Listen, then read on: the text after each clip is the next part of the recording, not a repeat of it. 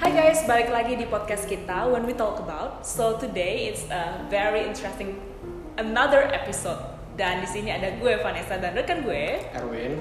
So today we'll talk about more into the one of the big tech giants nih. Itu adalah the Facebook. Siapa sih yang yang ada sama kita sekarang, Win? Ini dia nih. Uh, kita di sini ada Nodi Valdrino, namanya susah banget. Nodi Valdrino. Rino aja. Rino panggilannya Rino. Jadi Rino is the one of the political and government team di Facebook. Gitu ya. Uh, mungkin without further ado, langsung aja Rin, kenalin diri. Oke, uh, thank you nih Erwin, Vanessa udah diundang di sini. Uh, pleasure to be with you guys. Uh, jadi uh, sekarang aku kerja di Facebook sebagai Politics and Government Outreach ya. Jadi Politics and Government Outreach itu fokusnya adalah gimana kita Facebook itu membangun uh, foster collaborations with government stakeholders gitu. Jadi yang kita lakukan itu bagaimana kita bisa punya program-program sama government. Uh, terus juga kalau Facebook ada position positions yang baru dikeluarkan oleh global, make sure uh, government kita khususnya di Indonesia dan Asia Pacific market itu bisa ngerti gitu itu uh, posisi Facebook seperti apa. Jadi setiap hari, hampir setiap hari meluangkan waktu buat uh, ketemu dan dan interaction sama teman-teman di pemerintahan. Oke. gitu. Menarik banget nih. Tapi mungkin nggak semua teman-teman kita yang audiens kita itu tahu sebenarnya sebenarnya kita punya nggak sih kantor Facebook di Indonesia? Ada, jadi uh, emang emang benar uh, kantor Facebook di Indonesia tuh masih tergolong baru ya. Uh, karena kan Facebook itu dan uh, seluruh perusahaan global ya melihat market itu kan uh, gradual proses gitu. Jadi kita sudah punya kantor Facebook di Indonesia uh, berdiri sejak sekitar dua tahun lalu. Dari hari ini sekitar dua tahun eh, dua tahun yang lalu sudah ada resmi berdiri.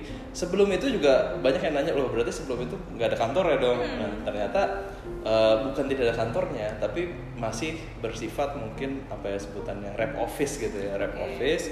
Terus sekarang udah resmi berdiri di Indonesia. Makanya kita udah punya banyak function sebenarnya di Indonesia.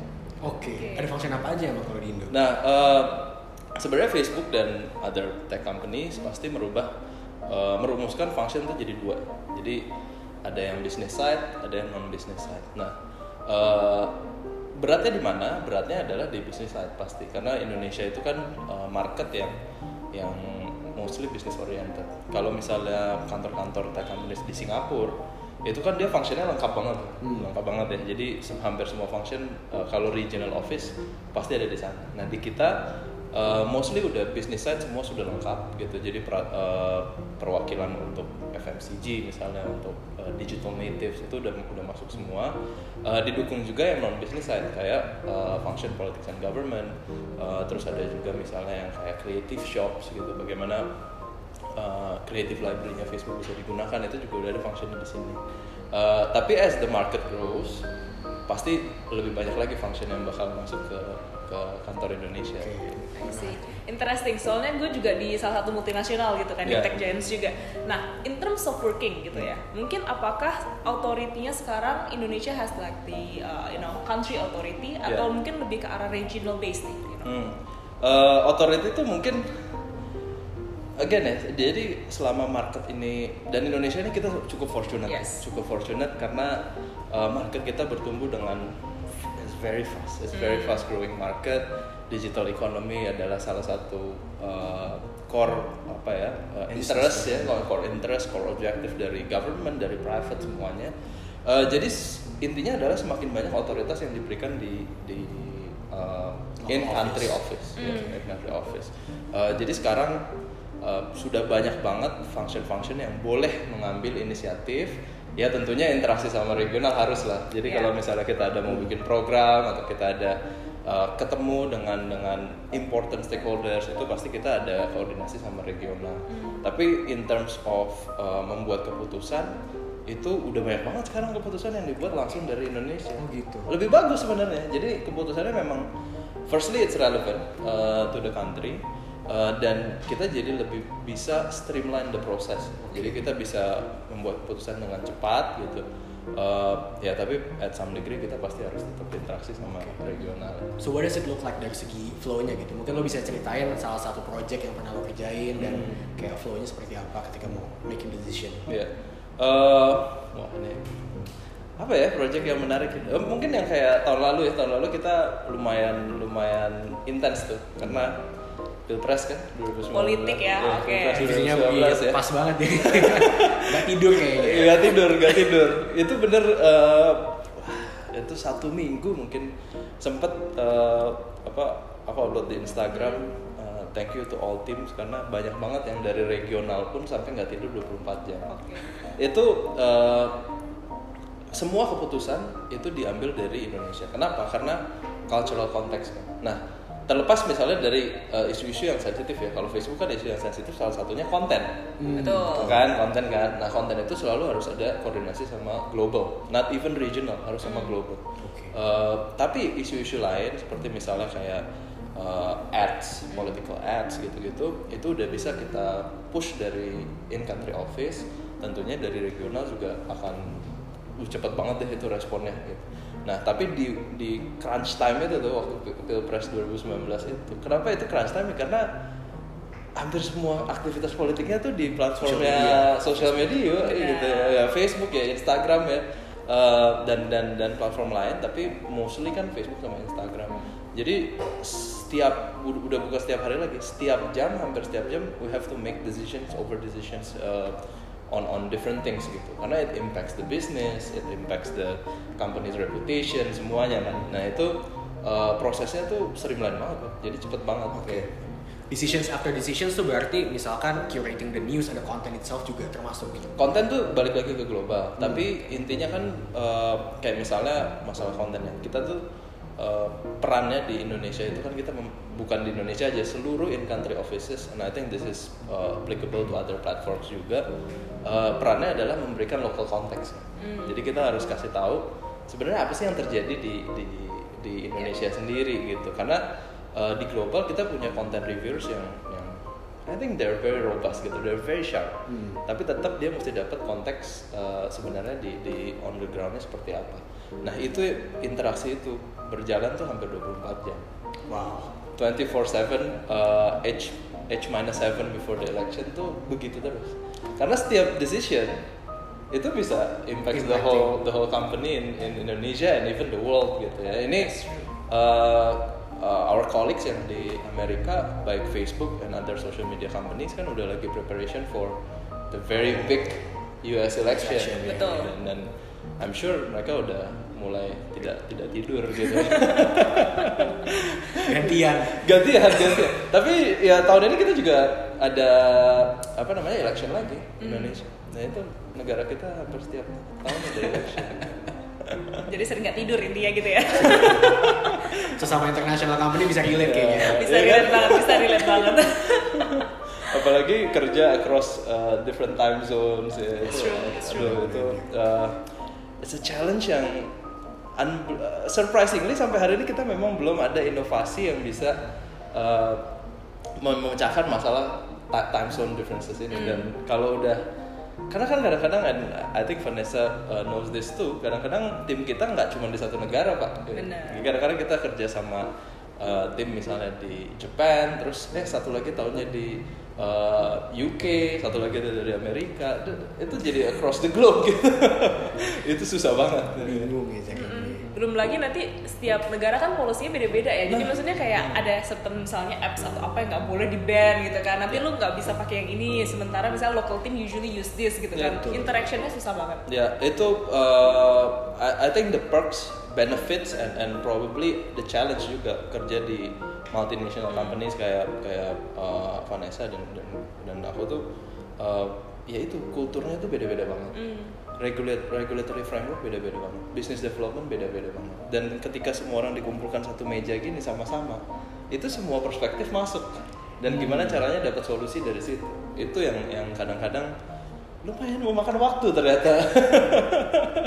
Menyamakan apa frekuensi gitu ya dari Yes, dari yes. different teams gitu. Ini ini menarik nih. Jadi kalau bisa disimpulin kan sebenarnya role-nya Rino di local team di sini benar-benar um, ngeliatin konten-konten yang ada dari segi political, dari segi government segala macam. Nah, tapi kalau begitu secara realnya KPI-nya itu seperti apa sih? Hmm. Objektifnya Facebook di sini tuh gimana? Ya, ya. Eh, jadi konten tuh hanya hanya satu aspek sebenarnya ya. dan again konten itu sebenarnya 80% uh, udah udah masuk ke satu apa ya, formula flow yang udah fix banget gitu di di global scale. Uh, jadi sebenarnya di sini ya tadi kita perannya memberikan local konteks. Nah, KPI-nya apa? KPI ini memang adalah satu hal yang yang mungkin paling sulit di quantify gitu ya. Quantify kalau dari sisi functional team seperti politics and government outreach, terus misalnya uh, public policy dan lain-lain. KPI-nya mungkin yang paling paling real adalah uh, the relationship of the companies with different stakeholders gitu. Dan itu ternyata ketahuan, ternyata ketahuan dan bisa di uh, dibikin jadi matrix gitu ya sekarang dengan tools yang macam-macam gitu ya. Tools yang paling dasar misalkan stakeholders mapping. Stakeholders mapping terus masuk uh, misalnya ada tim regional yang yang mau masuk ke Indonesia. Uh, let's say dia mau bekerja sama sama kementerian A ternyata kita tidak punya network sama kementerian A tidak punya koneksi tidak punya hubungan sama sekali itu akan menimbulkan pertanyaan gitu. Kok uh, kementerian yang sepenting itu kita nggak punya uh, interaksi sama sekali gitu. Jadi dari sisi uh, inventory hubungan kita dengan different stakeholders tentunya ini meaningful ya meaningful ya. Bukan yang ah kemarin ketemu di event gitu terus udah gitu. Ini yang benar-benar kita diskusi kerjasama. Jadi itu satu uh, the the amount of stakeholders yang kita uh, interacted Engage. with, uh, engage with itu jadi KPI yang, yang uh, paling utama gitu. Yang kedua juga uh, public perception, Mm. public perception in terms of uh, the different stakeholders ini. Dan itu juga akan ketahuan gitu. Ternyata mereka misalkan uh, mereka nggak tahu Facebook itu posisinya seperti apa on privacy gitu. Iya.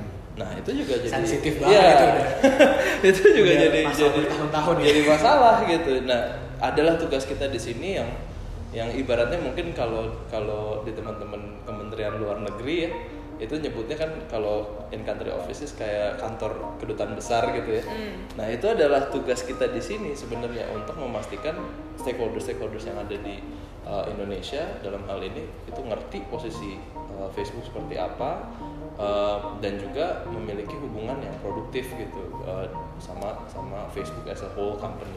And this is speaking about the family of apps juga gitu kayak Iya. WhatsApp, Instagram ya kan. Jadi itu jadi tugas kita semua di sini. Oke.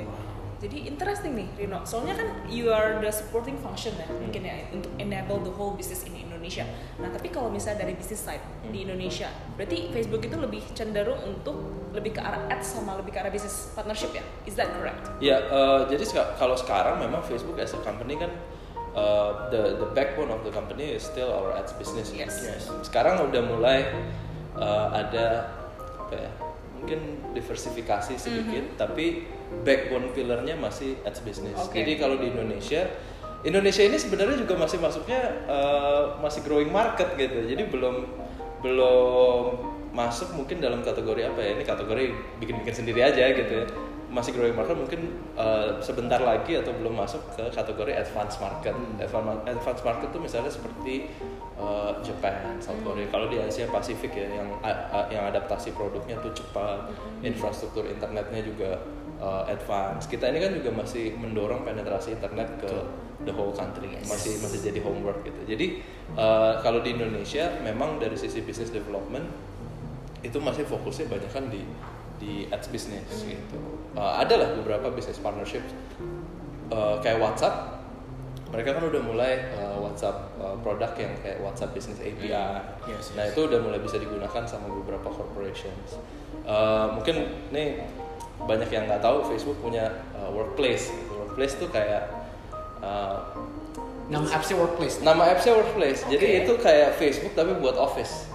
Oke, Jadi interesting. office office uh, Social coordination. media gitu. Ya. Nah uh, workplace juga penetrationnya udah mulai tinggi, udah mulai uh, masuk di Indonesia gitu. Jadi udah mulai ada banyak produk yang ada di Indonesia gitu. Tapi kayak misalnya Oculus kita belum masuk ke sini. Oke. Ya oke, kan? oke, oke. Jadi um, I- I- well I hope sooner uh, rather than later uh, kita bisa masukin lebih banyak lagi produk ke sini. Itu maksudnya lebih ke arah internal corporate communication ya? Iya, kalau workplace Oke. itu uh, internal communication gitu. Interesting. Nice, nice. So, kalau kita ngeliat di berita gitu kan di video gitu, kan kerja di Facebook tuh seru banget kalau di Silicon Valley gitu ya kayak Gak wah, cuma di berita sih di semua di, di tempat semua gitu iya, kan. iya, iya, iya, kayak oh bisa bisa sambil main lah terus ada banyak free food everywhere gitu Iya. culture-nya di Indonesia gimana Iya, sama. Jadi kalau eh, Facebook itu mencoba membuat culture yang mirip di seluruh uh, office-nya. Jadi kalau misalnya ya, uh, kan aku juga udah beberapa kali visit uh, different Facebook offices around the world. Ternyata kita masuk ke Facebook Jakarta uh, dan Facebook Jepang, itu atmosfernya mirip, atmosfernya mirip dan memang dibuat seperti itu. Nah, uh, tapi memang banyak yang ngeliat wah gila keren banget ada free food ada free apa tuh uh, Games. games Uh, Yeah. kalau di Jepang tuh keren banget dia ada di kantor kita tuh ada apa namanya uh, simulator Mario Kart wah Oh, oke. simulator Mario Kart Menarik banget. gak kerja main aja jadi kalau misalnya lagi capek kerja bisa main Mario Kart gitu Hmm. tapi uh, I think the most important thing dari dari semua culture yang dibangun ini adalah gimana Facebook juga memastikan uh, all the team members itu bisa balancing between uh, all the benefits that we Yes. get dengan juga uh, KPIs dan results dan Yeah. outputs gitu. Jadi uh, ini bukan tiba-tiba kita masuk kantor Facebook and then we are in a in a playground ya. Dan Yes. banyak banget kan kantor tech companies yang culture-nya sekarang uh, mau membuat uh, working culture itu sesantai mungkin. Which is good karena productivity orang uh, udah di riset dan memang ternyata naik Hmm. gitu. Nah, cuman uh, bagi yang misalnya belum bisa untuk cope up dengan this type of culture itu sama Facebook uh, pasti akan didorong dengan training training terus uh, juga ada penugasan penugasan baru supaya bisa cope up gitu. Jadi balancing. Ada free food ada free uh, apa tech accessories ada Mario Kart. Jadi myth-nya bener nih. It's not a myth. Guys it's a fact. Sleeping pot ada nggak nih? Sleeping pot? Eh, sleeping, sleeping pot itu ternyata udah gak ada ya. Oh, udah Oh, gitu. ada. udah gak ada ya. Padahal itu berguna banget tuh sebenarnya cuman sekarang kan mungkin karena udah ada sofa atau apa Iya. gitu you just can rest gitu oke oke Oke oke, interesting. Jadi kalau misalnya kita melihat seru banget nih pasti kerja di Facebook ya. Tapi gimana sih caranya masuk Facebook? Hmm. Nah ini udah ada langsung yang Ya. udah di sini gitu. Kayak kita bisa langsung nanya-nanya. ini berarti sharing aja ya pengalaman pribadi ya Oke, Eh, seru nih Uh, and I think this applies to other tech companies juga ya. Uh, uh, probably global companies, uh, probably Vanessa juga udah experience ini. Dan yang paling penting adalah uh, masuk ke perusahaan seperti ini adalah kesiapan kita waktu sebelum masuk gitu, interviewsnya. Yep. Nah, uh, perbedaan paling mendasar dari uh, interview di global company seperti uh, your company, my company gitu, dan company kita yang mungkin uh, di, di di level nasional atau level lokal itu adalah uh, pada saat interview itu kita harus sudah siap seakan-akan kita udah bekerja di situ. Yes. Jadi kita nggak bisa datang ke interview berpikir mereka akan bertanya ini this is the common mistake yang masih kita temuin di mana-mana. Ekspektasi pertanyaannya tuh yang kayak lima tahun lagi mau jadi apa, Iya. ya kan? Terus cita-cita jadi apa? Uh, what's your weakness? They won't ask. uh, ya mungkin satu dua ya karena itu pengenalan. Uh, mereka butuh diskusi dengan dengan kita gitu. Tapi uh, pertanyaan yang paling akan mereka mereka tanyakan itu adalah udah langsung masuk substansinya Yes. Oke. think as if you're already working there gitu. Apa strategi misalnya apa ya? eh, misalnya Facebook di Indonesia gitu. Bagaimana meningkatkan eh, ads business di Indonesia? Itu pertanyaan yang it's a lot of study case ya Iya, iya, jadi pertanyaan Certainly. True. pertanyaan-pertanyaan yang kayak Di- gitu ya, langsung kayak bisa Nah, relate gitu. pengalaman Iya kan? Gue selalu kasih case juga biasanya. Iya, Agree. iya. Jadi jadi uh, for for those of you yang yang nonton ini dan pengen uh, one day atau uh, dalam waktu dekat pengen masuk ke global tech companies atau global companies yang lain Yes. ternyata udah mirip juga. Ketika masuk ke proses interview tuh persiapkan mindsetnya as if you already working there. Hmm. Supaya begitu ditanya, uh, lu tuh siap gitu. Bukan kita bertanya zaman sekarang kan nanya lima tahun lagi mau jadi apa gitu. Nanti buang-buang waktu interviewernya gak sih gitu. Dan ini adalah orang-orang yang sangat-sangat sibuk ya. Jadi kalau mau masuk ke global tech companies and and all these multinationals, uh, the interview really really nailed it.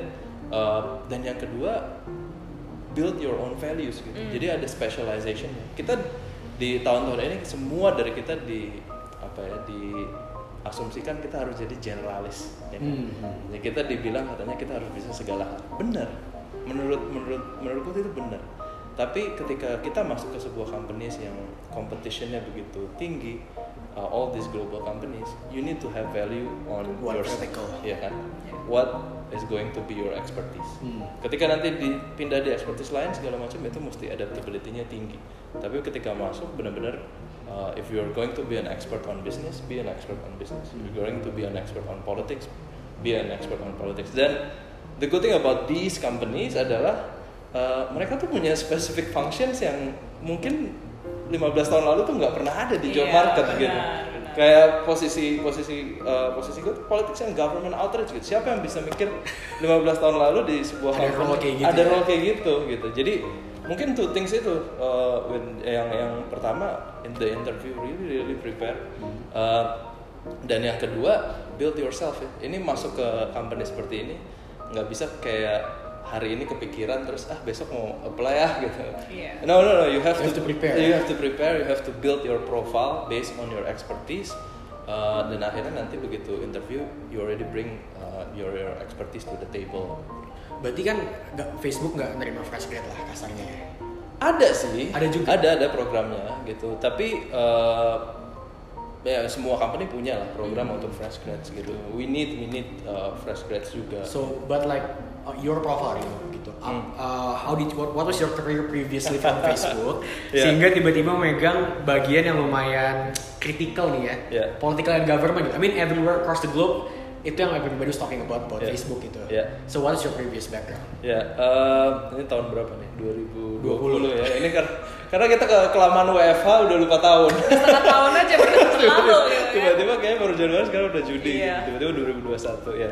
So uh, a long time ago, nggak, nggak se- about seven years ago, I started my career on uh, in Indonesia Indonesian politics ya. Uh, waktu itu lulus dari Australia dengan political science, masuk ke politik. Jadi I was I was a digital campaigner uh, buat campaign 2014 tuh waktu itu uh, Pak Prabowo dan Pak Hatta Rajasa.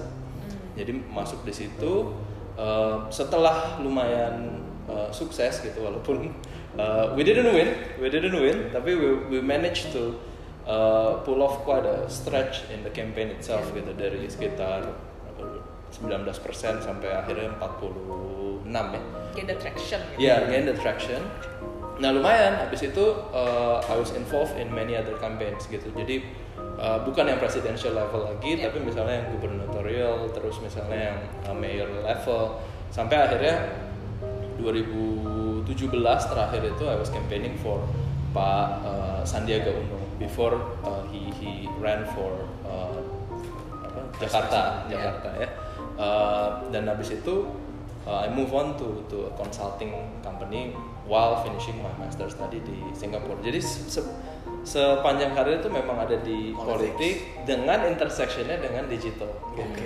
Karena uh, waktu itu uh, I was thinking Indonesia ini kalau misalnya new politicians mau uh, emerge, mau menang, udah nggak bisa lagi dengan cara-cara lama, ya kan? Uh, how much do you want for? uh, how much do you want to pay for TV ads? Hmm. It's crazy expensive. Gitu. How much do you want to pay for baliho spanduk? Iya. It, it has to be digital. gitu. Dan ini berlaku bukan buat politisi aja. Sekarang berlaku buat UMKM.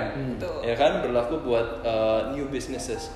Berapa yang mau uh, kalian spend untuk untuk uh, marketing yang yang konvensional? Sementara uh, marketing channels di social media kayak Facebook and other platforms with 10 dollars you get berapa? 50,000 impressions. Promosi 100 nih sekalian. 100,000 ya kan? Jadi itu yang ya ya ya ya sekalian boleh dong. Eh, tapi itu itu yang yang, yang make me uh, made me think uh, Indonesian politicians have to do better in terms of campaign strategy. Nah dari situ uh, building career ternyata pada tahun 2000 berapa tuh? 2015an ya met uh, Facebook res- representatives uh, dan itu pertama kalinya denger eh actually uh, no ada dysfunction uh, if you aspire to be to join us one day um, you need to build your profile continue to build your profile on this uh, sector and someday there'll be a position for you di, di Facebook dan waktu itu I was really uh, apa excited gitu karena Iya. karena kan kapan lagi gitu kita bisa Facebook ngerja- gitu. iya, ngerjain passion tapi di company yang yang kayak ya Facebook dan, dan global tech companies ya Um, jadi kayak gitu. Akhirnya for almost 3-4 years, uh, jadi gue berusaha membuat uh, profil, membuat expertise di bidang itu dengan sebuah apa ya uh, goal bahwa nanti bisa join ke global tech companies kayak Facebook dan ternyata ya fortunately uh, kejadian gitu, Hmm. fortunately kejadian gitu.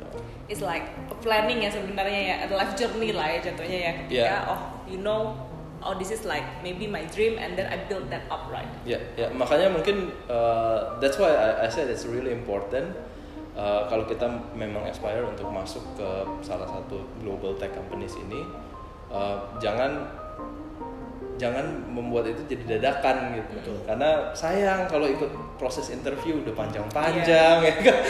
Terus nanti tiba-tiba begitu ditanya uh, and this is one question yang yang yang selalu uh, intrigue me gitu ya. Uh, how can you make a difference di position Yes. ini? How can you make a difference compared to other candidates? And you have to be able to show that lu bisa membuat uh, perbedaan itu. Nah kalau misalnya interviewnya persiapannya dadakan, bingung pasti gitu. Oke. Uh, terakhir banget Ren. Jadi maybe in in two sentences. So what does it really feel like to work at Facebook? Aduh, two sentences Two doang. sentences aja. Mau tiga boleh deh. Mau lima juga nggak apa-apa. Uh, I think it's it's really hard to picture the the the experience in two sentences. Tapi Facebook itu kan selalu menggambarkan company-nya as the rocket ship. yes. Jadi as the rocket ship, uh, so it's really fast, it's really fast, um, and you can't stop innovating. Gitu. You can't stop innovating. The day you you get accepted to these companies, uh, itu adalah permulaan sebenarnya. Jadi it's not the end of your journey, it's the starting point of your journey.